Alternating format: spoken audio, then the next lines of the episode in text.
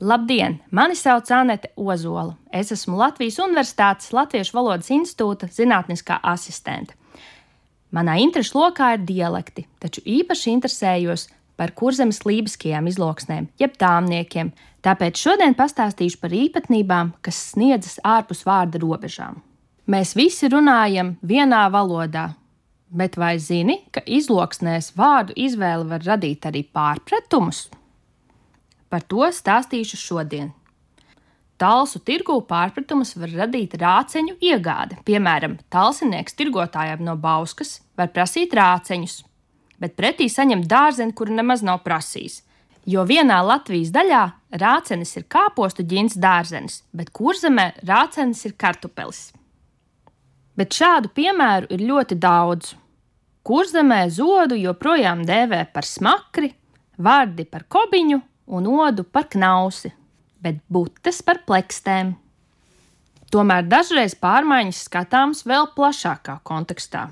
Tās var skart pat vairākus vārdus vai teikumi, kas citu novadu iedzīvotājiem nereti šķiet pavisam dīvaini. Mums zināms, ka literārajā valodā vārdi pie un pēc, un dažreiz arī uz, draudzējas ar ģenitīvu. Piemēram, eju pie Jāņa, eju pēc dēla, stāv uz leduskapja. Tomēr tāmnieku runā nereti dzirdēsiet: eju pie Jāni, eju pēc dēlu un stāv uz leduskapi. Taču tajā pašā laikā vārdi ar un par var biedroties ar sieviešu dzimtas ģenitīvu.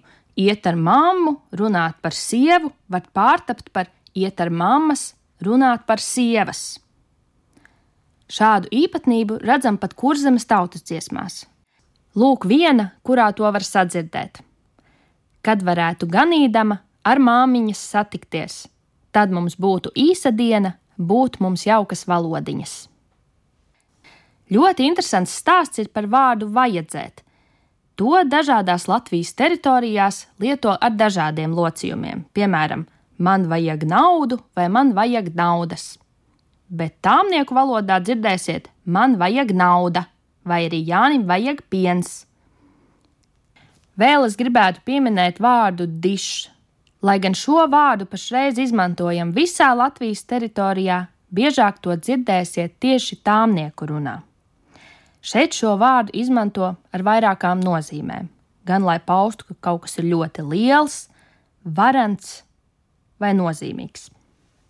Tieši kurzemē no dišstendes brauksiet uz Dižmāras gada tirgu talsos, dižosieties ar sasniegumiem un ēdīsiet dižraušus pie dižjūras. Daudzas īpatnības citu dialektu runātājiem var šķist nepareizas.